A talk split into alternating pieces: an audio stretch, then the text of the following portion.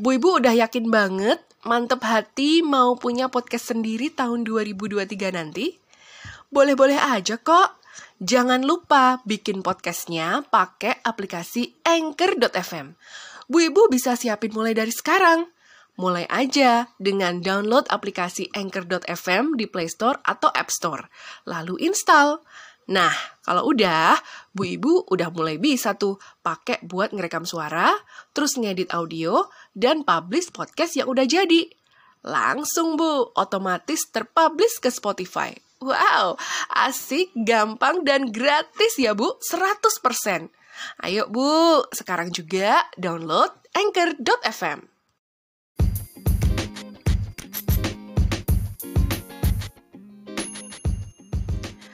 Hey, Assalamualaikum Bu Ibu How's your life going? Fine? Hopefully Anyway, pergantian tahun udah ada di ujung gang ya Bu Apakah Bu Ibu udah siap menyambutnya? Mudah-mudahan udah siap ya dengan segala macam armor buat ngadepin 2023 nanti. Apalagi nih santer kabar berembus bahwa 2023 dunia akan resesi, termasuk Indonesia. Jadi dibilangnya akan ada resesi global. Wah, apa pula itu ya? Resesi atau resepsi sih? apa hubungannya ya sama Bu Ibu? Terus kaum bu ibu harus apa ya buat ngadepin si resesi ini? Ya wes, ngibril-ngibril yuk di sini bareng aku Ibu Inung, tentunya di podcast Bu Ibu.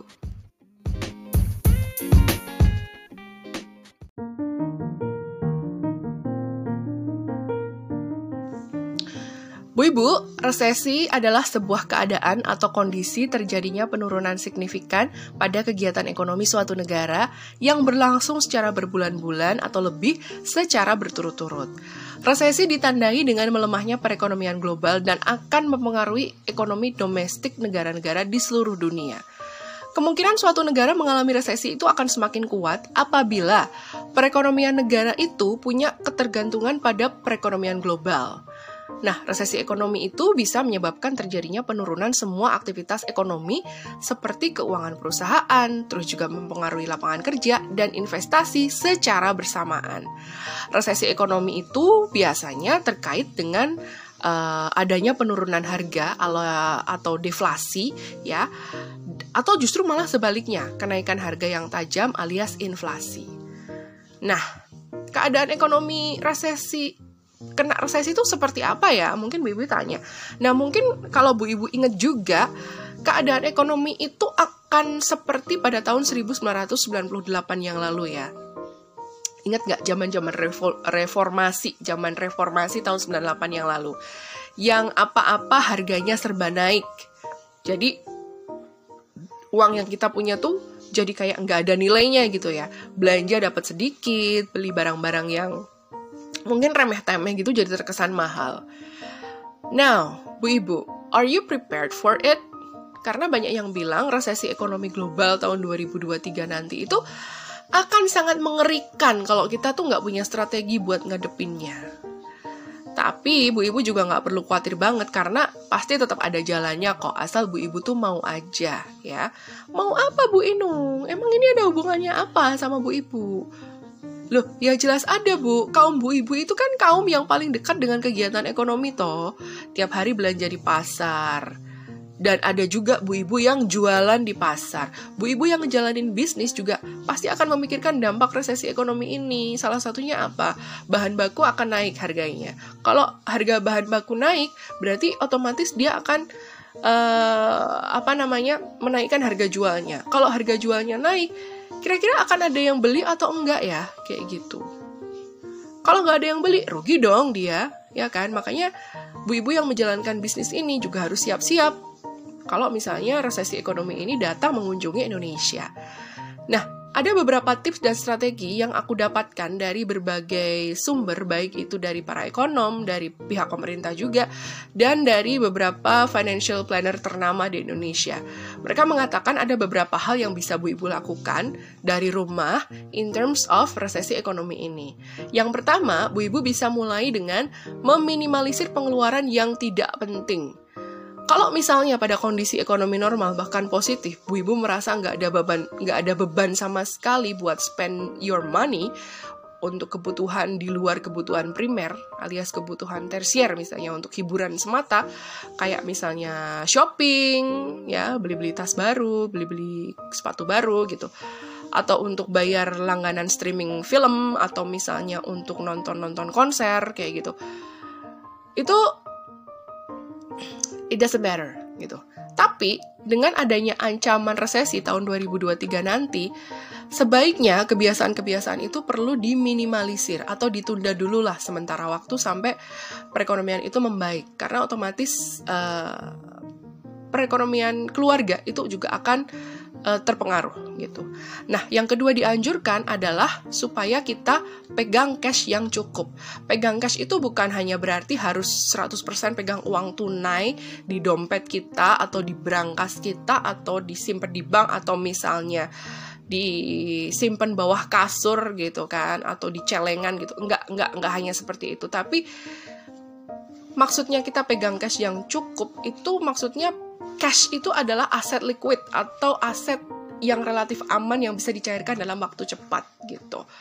Kenapa kok itu penting? Karena ditakutkan jika di 2023 nanti jika ada pengeluaran dadakan kita masih punya cash buat bayar. Terus juga katanya 2023 nanti akan berpengaruh ke lapangan pekerjaan. Akan ada PHK gitu kan. Tapi ya semoga aja nggak ada ya gitu kan. Tapi kalau misalnya sampai kena PHK, kita tetap ada cash cadangan buat nafas dulu gitu loh. Istilahnya ya, buat nafas dulu sambil mikir sambil uh, ambil next stepnya apa mau cari kerja lagi atau sambil building bisnis lagi gitu misalnya lalu kalau misalnya nih mau main saham nanti di 2023 kalau misalnya bu ibu ketemu saham murah masih ada cash juga kan buat serok gitu misalnya ya kan? Lalu selanjutnya kita juga dianjurkan untuk meningkatkan kapasitas dana darurat. Di masa resesi ekonomi, katanya kita akan membutuhkan dana darurat yang lebih besar. Bu Ibu dianjurkan bisa mulai sekarang untuk nyiapinnya. Jangan sampai pada saat resesi meledak nanti Bu Ibu gak punya dana darurat sama sekali dan malah ngutang. Nanti susah buat balikinnya. Katanya kayak gitu. Nah, untuk bu ibu yang udah punya dana darurat nih, mungkin bisa diperbesar lagi kapasitasnya. Jadi, contohnya misal uh, sekarang punya dana darurat untuk satu bulan. Nah, untuk menghadapi resesi 2023 nanti, dianjurkan untuk menyiapin uh, dana darurat itu 2 sampai 4 bulan gitu katanya. Lalu uh, berusaha untuk mengurangi utang konsumtif itu juga sesuatu yang dianjurkan juga, Bu Ibu. Persoalan dengan resesi yang mungkin terjadi adalah kenaikan suku bunga acuan itu berkali lipat. Nah, meskipun nanti setiap negara bisa berbeda ya situasinya. Lalu dampaknya apa ke, ke, ke keuangan kita kayak gitu. Nah, untuk yang punya cicilan, floating suku bunga itu akan berpotensi naik gitu kalau suku bunganya naik, cicilannya juga pasti akan naik jumlahnya.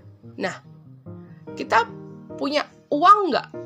Atau uang kita masih aman nggak ya buat bayar cicilan yang naik ini? gitu. Karena secara umum di resesi ekonomi 2023 yang katanya akan datang itu kalau resesi ekonomi harga barang itu bisa naik. Nah, tentunya untuk mengimbangi hal ini, anggaran bulanan kita itu akan ikut naik ya, supaya kita bisa membeli barang-barang kebutuhan yang harganya naik. Jadi anggaran bulanan kita dipakai untuk membayar uh, cicilan yang naik, kemudian harga barang-barang yang naik juga kayak gitu. Lalu gimana dengan investasinya? Kita masih bisa investasi nggak ya nanti itu? Ya tentunya tergantung dengan anggaran bulanan Bu Ibu. Kalau masih ada sisa, ya mungkin masih bisa investasi. Makanya Bu Ibu nih yang mungkin masih demen pakai pinjol-pinjol gitu, sebaiknya segera dilunasi dan tidak berutang-utang lagi ya. Apalagi hanya untuk kebutuhan konsumtif belaka gitu, yang cuma minjem duit tapi untuk beli hal-hal yang sifatnya konsumtif gitu ya yang mungkin nggak penting kayak gitu. Banyak juga pakar ekonomi yang menyarankan supaya masyarakat itu mulai membuka usaha kecil atau usaha sampingan supaya cash flow keluarga itu tetap terjaga. Misalnya dengan berjualan makanan atau membuka old shop sederhana tapi berlaku hanya sebagai reseller atau dropshipper kayak gitu-gitu. Jadi ini memang uh, saran untuk uh, bu ibu di rumah ya supaya gampang dilakukan untuk menambah penghasilan keluarga. So, Bu Ibu, dari apa yang aku obrolin ini, apakah Bu Ibu jadi lebih siap ngadepin 2023? Mudah-mudahan ya. Tapi kalau misalnya Bu Ibu sendiri juga sudah punya kekayaan yang wah, bisa menjamin sampai tujuh turunan dan tujuh tanjakan sih ya kayaknya nggak masalah ya Bu ya. Tapi kalau hanya seorang rakyat jelita seperti aku, kaum budget gitu, kayaknya harus kerja keras ya biar nggak dinyatakan pilot. And you know what, Bu? Nggak cuma resesi ekonomi aja loh prediksi untuk 2023 nanti. Yang namanya resesi seks itu juga. Apa? Apa? Resesi seks? Wah, aku bilang seks, telinganya Bu Ibu langsung terbuka makin lebar. Emang ada ya resesi seks ya? Kalau tadi resesi ekonomi itu kan menurunnya kegiatan ekonomi di sebuah negara selama berbulan-bulan sampai mengakibatkan melemahnya perekonomian. Lah, kalau resesi seks, apakah itu berarti menurunnya kegiatan seks Bu Inung? ya, kurang lebih begitu Bu, bener. resesi seks ini uh, merupakan sebuah fenomena ya, fenomena dari pasangan ya fenomena pasangan atau married couple yang enggan untuk memiliki anak. Wow. Nah, ini terjadi mulai dari negara-negara barat seperti Amerika Serikat, lalu disusul China yang diberitakan mempunyai indeks pertumbuhan populasi yang lambat. Lalu ada Jepang, ada Korea Selatan juga yang kabarnya jumlah kelahiran bayi di sana itu sangat kurang. Nah, di Indonesia bagaimana? Kabarnya di Indonesia juga bisa berpotensi mengalami resesi seks ini meskipun tidak dalam waktu dekat gitu. Ada seorang kepala BKKBN nih Pak Hasno Wardoyo yang mengatakan Indonesia itu punya kemungkinan mengalami resesi seks. Kondisi ini disebabkan oleh sejumlah kota atau kabupaten di Indonesia yang dalam catatannya tidak mengalami kelahiran baru alias zero growth. Jadi tidak ada kelahiran baru, nggak ada bayi-bayi baru lahir gitu. Dan gaya hidup ini dinilai menjadi salah satu pemicu peristiwa resesi seks ini. Terus nggak cuman itu, banyak perempuan dan laki-laki yang lebih memilih menunda pernikahan karena punya alasan lain yang dinilai lebih membuat mereka fokus akan hidupnya. Yaitu apa? Salah satunya adalah uh, mereka memilih untuk lebih fokus menempuh studi lanjutan seperti S2, S3 gitu atau lebih fokus untuk uh, meniti jenjang karir gitu. Jadi jadi gini ya Bu ya. Maksudnya tuh uh, jumlah kelahiran anak di beberapa negara itu sangat jauh berkurang dan Indonesia juga berpotensi kena itu juga. Sik, sik, sik. Kalau gini sih, mendingan nyebutnya jangan resesi seks ya. Tapi resesi anak ya. kan menurunnya jumlah anak gitu, menurunnya jumlah kelahiran anak gitu tapi kok ya nggak enak juga ya didengarnya resesi anak gitu kesannya anak-anak tuh pelan-pelan disepir gitu menghilang gitu nanti dikira penghilangan paksa gitu. Eh kalau penghilangan paksa nanti malah dikira genocide anak ya. Aduh gimana ya nyebutnya ya? Resesi seks atau resesi anak gitu. Tapi aku sendiri sih nangkep sih maksud dari fenomena ini dan potensinya di Indonesia. Apalagi Pak Hasno ini juga menambahkan bahwa Hal ini tuh bisa terlihat dari usia pernikahan penduduk Indonesia yang semakin meningkat. Kalau sebelumnya mayoritas pernikahan itu terjadi pada pasangan usia muda, mulai 20, 21, 23, 25, sekarang trennya banyak pasangan-pasangan muda yang justru menunda pernikahan. Usia-usia produktif mereka untuk menikah itu dimundurkan gitu entarlah uh, 30 aja gitu. Begitu nyampe 30 entarlah jadi 32 entarlah kalau udah 35 eh ternyata malah ada juga yang menikah di usia 40 di atas 40 juga baru ada baru ada yang menikah gitu. Nah usia pernikahan itu mundur karena semakin banyak yang lebih memilih untuk Uh, seperti aku bilang tadi, untuk menembus studi S2, S3, kemudian untuk lebih meniti jenjang karir karena pengen naik jabatan gitu kan, dan sebagainya. Dan fenomena ini banyak terjadi di kota-kota besar di mana orang-orangnya juga mungkin udah, udah lebih open minded gitu kan dan lebih mapan dalam segi hidup gitu kan. Terus selain usia pasangan menikah yang semakin mundur, tren keluarga kecil dengan jumlah anak sedikit itu juga sedang terjadi ternyata. Jadi untuk pasangan-pasangan muda nih ya, udah punya anak satu ternyata setelah itu mereka memutuskan untuk ya udahlah anaknya satu aja gitu kan. Toh kita juga udah punya anak ini gitu. Ngapain sih nambah-nambah? gitu. Atau nambah-nambahnya ntar aja lah kalau udah udah agak besar misalnya gitu. Jadi uh, mereka sudah cukup apa ya sudah cukup uh, mantap dan merasa mapan dengan udah ada istri, ada suami dan ada anak satu, udah ya wes gitu kan. Mari kita move on kayak gitu. Nah, Penyebabnya sendiri macam-macam ya, selain karena fokus yang berganti, lebih memilih uh, studi dan karir, ternyata hal ini pun juga menimbulkan hal baru, yaitu rasa lelah. Maksudnya gini, orang milih fokus kerja atau kuliah. Terlalu sibuk kuliah atau kerja berpengaruh pada stamina tubuh. Stamina tubuh nggak bagus, jadi lelah kelelahan memicu pemis, memicu stres ya kan? Pemicu stres paling umum itu kan rasa lelah. Kalau seseorang udah merasa lelah capek ditambah stres dan moodnya nggak bagus suasana hatinya buruk gitu kan tentunya itu akan berpengaruh pada gairah seks. Nah kalau sudah tidak punya gairah udah nggak nepsong nepsong lagi ya gimana mau produksi anak gitu? Kasarannya tuh begitu ya bu ya? Maksudnya tuh begitu gitu. Lalu ada permasalahan ekonomi, baik pribadi maupun keluarga. Maksudnya gini, keadaan ekonomi yang pas-pasan itu juga jadi penyebab menurunnya keinginan untuk punya anak. Merasa kalau punya anak itu nanti akan nambahin beban pengeluaran aja gitu loh. Ya kan? Karena harus beli popok, beli susu, beli-beli yang lain kayak gitu kan. Maka akhirnya banyak orang, banyak pasangan, banyak keluarga memilih menunda atau bahkan gak punya anak sama sekali. Nah, ini yang sering dibilang dengan child free. Jadi mereka memilih untuk tidak punya anak kayak gitu. Orang-orang merasa bahwa kalau hidup dengan child free itu akan lebih bisa stabil dalam mengatur keuangan keluarga. Gitu. Sementara ada juga penyebab lain yaitu berkurangnya minat untuk menikah. Ya, penyebab lain uh, kenapa kok minat untuk menikah itu berkurang. Apa ya? Karena ada aktivitas lain yang lebih asik dibandingkan sexual activity. Wah, apa sih? Antara lain adalah main game, main game online atau e-sport yang bisa dimainkan berjam-jam. Ya kan? Anak-anak zaman sekarang atau eh, orang-orang uh, produktif zaman sekarang itu ternyata lebih lebih lebih memilih untuk menghabiskan waktunya dengan bermain game online atau e-sport itu tadi. Beda ya sama gue ya. Gue udah ibu-ibu nggak main e-sport ya. Lalu ada aktivitas fisik lain yang membuat mereka ternyata lebih uh, bisa fokus dan ngerasa itu tuh lebih baik daripada sexual activity yaitu apa? Aktivitas fisik olahraga. Aktivitas fisik olahraga.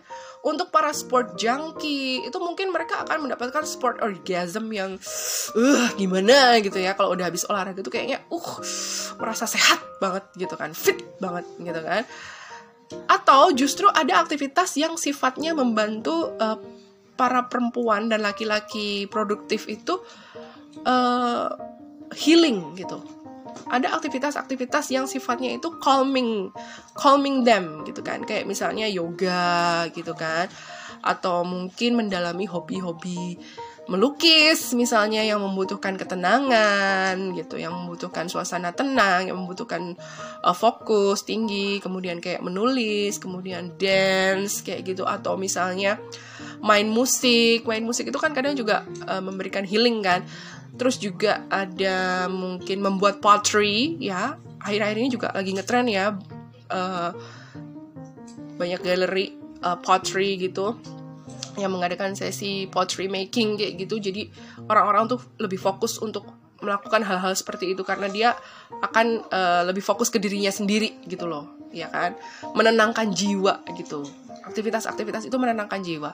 Jadi memang mulai ada pergeseran minat Dari yang awalnya mungkin menghabiskan waktu dengan melakukan sexual activity, tapi ternyata lebih ada aktivitas lain yang ternyata lebih memacu adrenalin atau justru malah apa calming the soul kayak gitu ya ya itu akhirnya nggak mikir lagi untuk punya anak gitu loh. Yuk yang penting aku ini udah mindful dulu kayak gitu loh ya kan? Gitu. Nah apa sih akibatnya kalau resesi seks? Or should I say resesi anak ini terjadi gitu ya? Yang jelas jumlah kelahiran baru akan berkurang tapi jumlah orang lanjut usia akan bertambah. Nah dan tentunya karena ini aspek sosial ekonomi itu akan terdampak. Karena apa? Regenerasi usia produktif sebagai penggerak ekonomi itu akan jauh tertinggal. Jadi lama gitu loh, kita akan punya uh, generasi baru yang nantinya akan menggantikan orang-orang produktif zaman sekarang itu akan akan lama kayak gitu. Sedangkan orang lanjut usia sendiri produktivitasnya kan mungkin hanya sekian persen saja, ya kan? Jadi ya tentunya akan kembali mempengaruhi ekonomi lagi gitu. But then again, pergeseran pandangan, prinsip, dan keyakinan itu akan selalu ada dan terjadi. Ketika zaman juga menuntut masyarakat sipilnya untuk saling bergulat untuk survive, maka saat ini tentunya akan ada perilaku seperti ini. Aku akan mikir diri sendiri dulu. Meskipun aku nggak punya mini-me gitu ya, nggak punya aku junior, tapi yang jelas aku bisa survive. Gitu kira-kira pikirannya ya. Makanya kemudian muncul itu tadi fenomena resesi seks gitu. Nah, kalau menurut Bu Ibu sendiri bagaimana?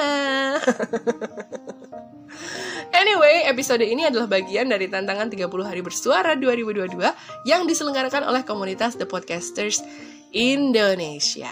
Aku Ibu Inung from podcast Bu Ibu. Semoga Bu Ibu juga siap menghadapi resesi 2023. See ya!